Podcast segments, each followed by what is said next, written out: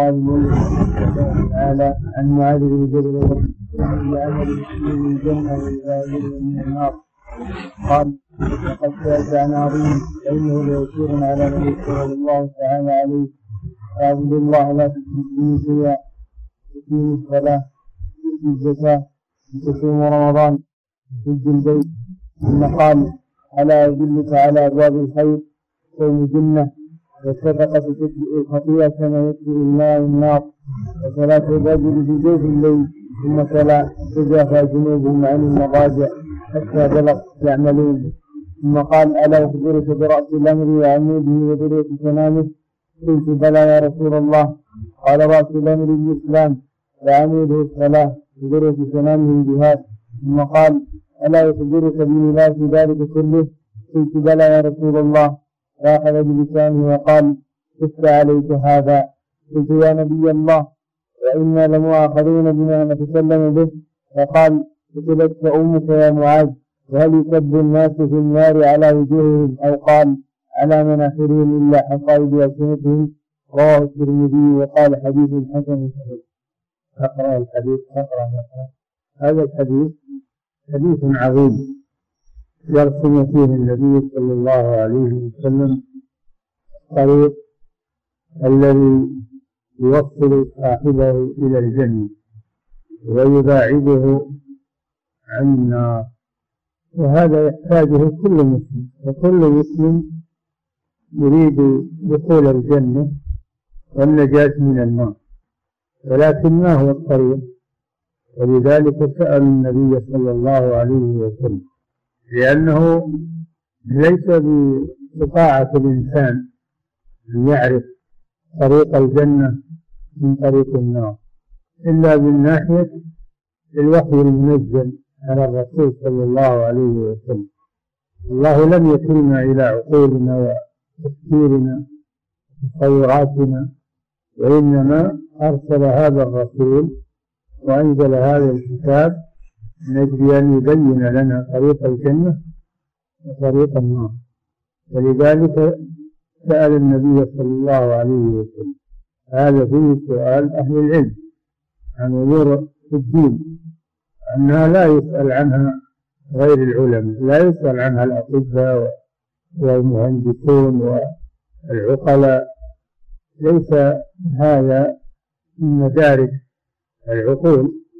وإنما هو بالوحي المنزل دلني على طريق على طريق يدخلني الجنة ويباعدني من النار. هذا ما يريده كل مسلم. نعم. كلمة كلمة. معاذ بن جبل رضي الله عنه قال قلت يا رسول الله أخبرني بعمل يدخلني الجنة ويباعدني من النار. نعم. قال دل على أن الجنة لا تدخل إلا بعمل وأن النار أيضا تدخل بعمل عمل الخير يدخل الجنة وعمل الشر يدخل النار. فلا أحد يدخل الجنة أو النار بدون عمل. عمل صالح أو عمل سيء. نعم. قال لقد سألت عن عظيم. قد سألت عن عظيم. عظم النبي صلى الله عليه وسلم هذا السؤال أو هذا المسؤول عنه. من أجل أن ينبه السامعين والقارئين ينبههم إلى عظم هذا الأمر حتى يهتموا به. نعم. وإنه ليسير على من يسره الله تعالى عليه. وإنه ليسير مع عظمه فإنه يسير على من يسره الله عليه. لأن الدين ولله الحمد دين سمح لا لا حرج فيه ولا مشقة.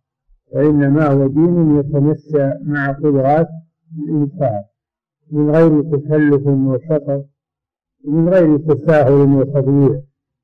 هو طريق سهل لكن على من يسره الله عليه. أما من لم يسره الله عليه فهو صعب ولذلك الطاعات أشق ما تكون على على النفوس وعلى الكسالى قال تعالى وإنها لكبيرة يعني الصلاة إلا على الخاشعين. الخاشعين تكون قرة أعينهم سهلة عليهم. وأما المتكاسلون تكون ثقيلة عليهم كبيرة عليهم. مع أنها ركعات لا تستغرق وقتا طويلا ولكن البطالة تشق عليهم. وكذلك سائر الطاعات. الإنفاق إنفاق المال يسهل على أهل الخير. ويصعب على على من ليس عنده إيمان.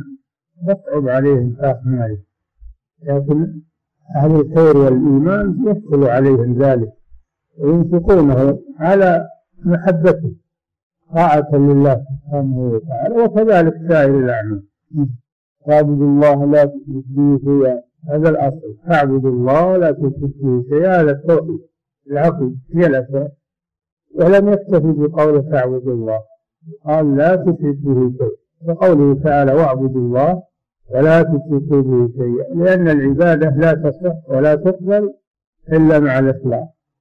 فإذا داخلها الشرك فإنها تبطل ولا تنفع صاحبه ولا يقبلها الله سبحانه وتعالى. فالمشرك لا يقبل منه عمل.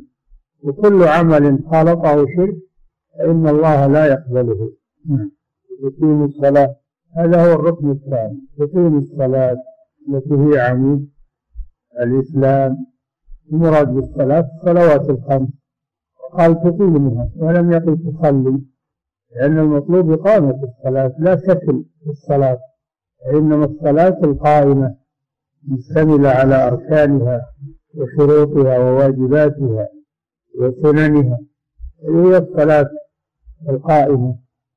أما الصلاة التي لا تختل فيها الأركان أو الشروط أو الواجبات فهذه لا لا تكون صلاة نافعة عند الله سبحانه وتعالى. وتؤتي الزكاة هذا الركن الثالث إيتاء الزكاة التي فرضها الله في الأموال. وهي قرينة الصلاة وهي مقدار مقدر للفقراء والمساكين والأصناف الثمانية التي بينها الله سبحانه وتعالى. فهي عبادة مالية والصلاة عبادة بدنية. نعم. صوم رمضان. هذا الركن الرابع. صوم رمضان شهر في السنة وشهر رمضان فرض. ركن من أركان الإسلام. نعم. حج البيت. وهذا هو الركن الخامس. من أركان الإسلام. ذكر صلى الله عليه وسلم أركان الإسلام كلها. آخرها الحج. والحج بينت في الأحاديث الأخرى أنه مرة واحدة في العمر على المستطيع. فمرة واحدة على المستطيع. أما الذي لا يستطيع بالمال ما عنده مال هذا ليس عليه الحج. قال تعالى ولله على الناس حج البيت من استطاع إليه سبيلا. سبيل الزاد والراحل. الزاد الذي يبلغه والنفقة والراحلة يعني المركوب الذي يوديه ويرده في كل زمان بحسبه يكون راحلة قد يكون سيارة قد يكون طائرة قد يكون باخرة زمان بحسبه. فإذا لم يجد زادا ولا راحلة فليس عليه. وإن وجد الاستطاعة المالية ولم يكن عنده استطاعة بدنية فإنه يوكل من ينوب عنه. إن كان العارض والعذر يرجى زواله ينتظر. حتى يزول ثم يحج بنفسه.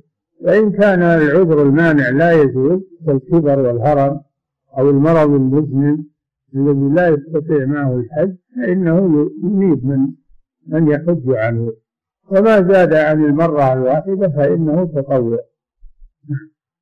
ثم قال ألا أدلك على أبواب الخير زيادة على على أركان الإسلام؟ لأن الدين ليس مسطورا في أركان الإسلام لكن هذه الأساسات هذه هي الأساسات. وهناك أعمال كثيرة تتبع هذه الأركان وتكملها وهي جميع أنواع الطاعات من فرائض ونوافل واجبات ومستحبات. الصوم جنة الصوم جنة يعني سترة بين العبد وبين النار. سترة بين العبد وبين النار. والصوم فريضة مثل رمضان ونافلة.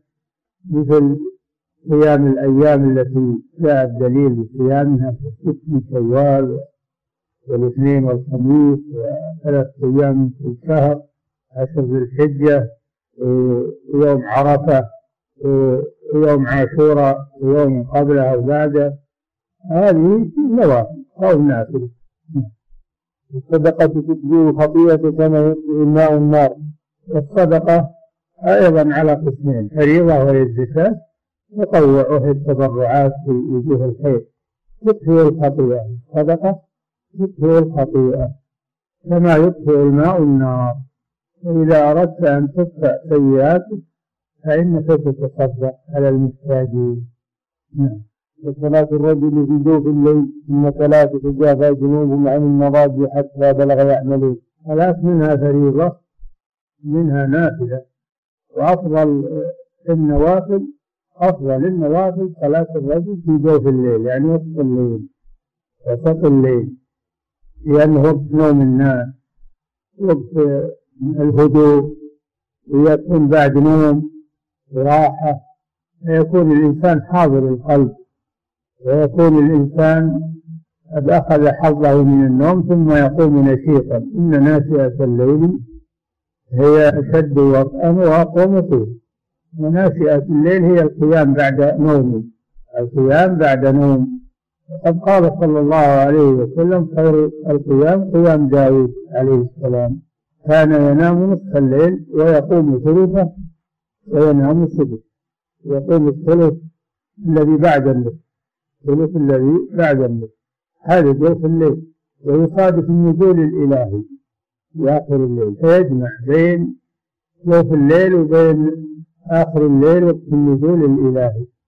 يجمع بين الفضيلتين من أراد أن أن يحصل على هذا الأجر فليرتب القيام في هذا الوقت.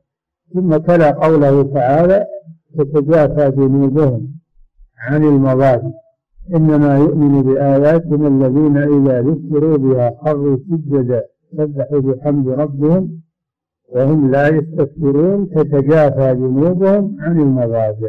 يعني يقومون في الليل يتركون المضاجع الدافئة في الشتاء والمضاجع المريحة يتركونها طاعة لله. يكون ما يحبون ويقومون لطاعة الله عز وجل. كونهم يتركون المضاجع ويقومون دليل على صدق الإيمان ومحبتهم للخير. ثم قال ألا أخبرك برأس الأمر وأيضا القيام في جوف الليل أكثر إخلاص لأن الناس لا يرونه الناس نائمون فهو أكثر إخلاصا لله عز وجل.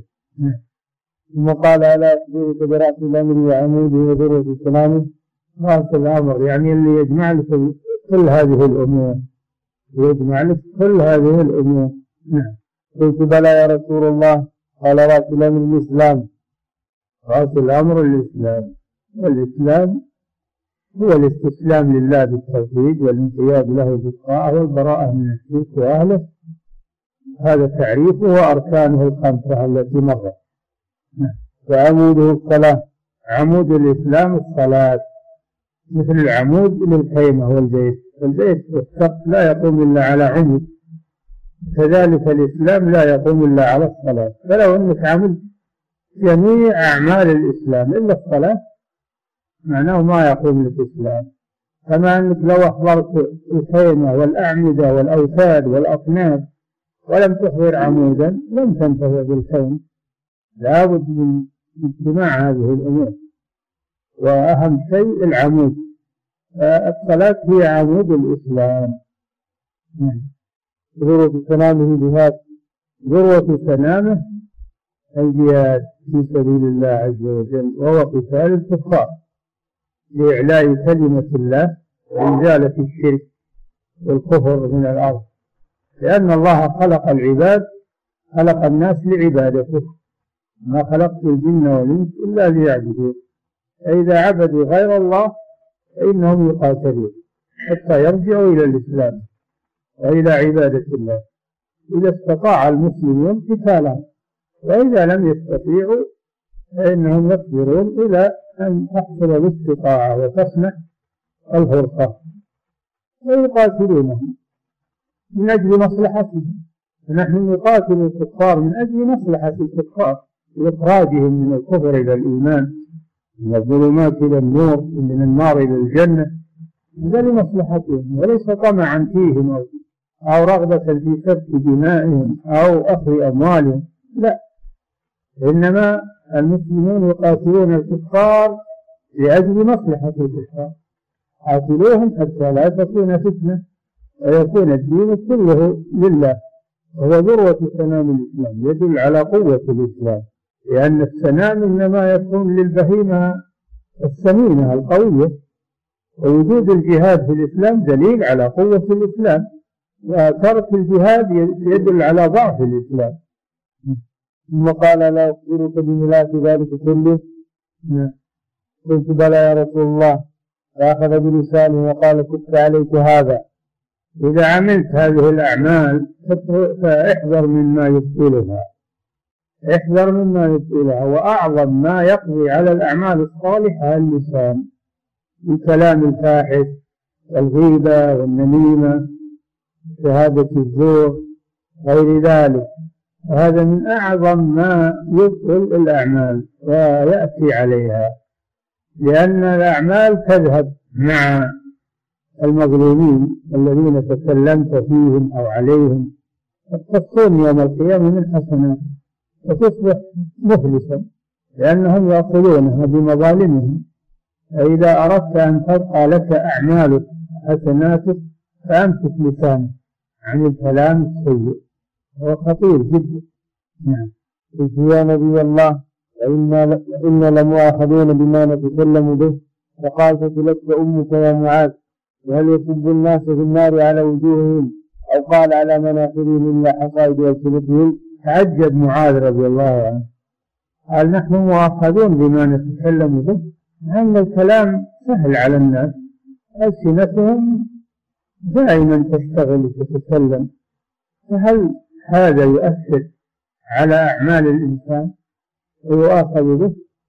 قال النبي صلى الله عليه وسلم فكلتك أمك يعني فقدتك أمك هذا أصله دعاء أصله دعاء بالهلاك ولكن جرى على اللسان من غير قصد قوله صلى الله عليه وسلم فكلتك أمك ليس معناه أنه يدعو على معاذ بالهلاك وإنما هي كلمة تجري على اللسان. ولا يقصد معناها. فتلتك أمك يا معاذ. وهل يكب الناس على وجوههم أو قال على مناخرهم؟ يكب الناس في النار على وجوههم أو قال على مناخرهم؟ إلا حصائد ألسنتهم وهذا فيه خطر اللسان خطر الكلام. قد يتكلم الإنسان بالشرك والكفر فيخرج من الإسلام. يسب الدين يسب الرسول صلى الله عليه وسلم يستهزي بالدين فيخرج من الإسلام. يقول كلمة الكفر وهي خفيفة على اللسان ولكنها تذهب أعماله ويصبح كافرا. قد يتكلم بالغيبة والنميم وهما كبيرتان من كبائر الذنوب. يتكلم بشهادة الزور هي غليظة وشديدة. وكذلك يحلف يكثر من الأيمان واليمين الغموس التي تغمس صاحبها في النار كل كلام كله كلام. فإن استعملت هذا اللسان في الكلام الطيب أثمر لك التسبيح والتهليل والتكبير وتلاوة القرآن وذكر الله. وإن استعملته في الكلام السيء أهلكك وأوقعك في النار وأنت لا تدري.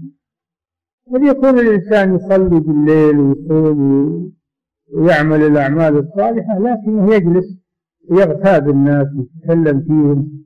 فتروح تذهب حسنات. إما أنه يبطلها بكلمة الكفر والشرك والاستهزاء والسخرية بالدين وإما أنه لا يبطلها ولكن توقع يأخذها المظلومون يوم القيامة بسبب عقائد اللسان. اللسان خطير جدا. لهذا حذر منه النبي صلى الله عليه وسلم. فيجب على المسلم أنه يحذر من الكلام ولا يتكلم إلا بالحق وكلام يحتاج إليه ويجيب في دينه ودنياه. ويترك فضول الكلام يترك الكلام الذي ليس له منه فائدة. فكيف بالكلام المحرم بالكلام الفاحش؟ هذا أشد وأخطر على الإنسان. نعم. رواه الترمذي قال حديث حسن صحيح. رواه الترمذي في جامعه والترمذي هو أحد أصحاب السنن الأربع. سنن الترمذي وسنن أبي داود. سنن النسائي. سنن ابن ماجه. هذه الكتب يقال لها السنن الأربع.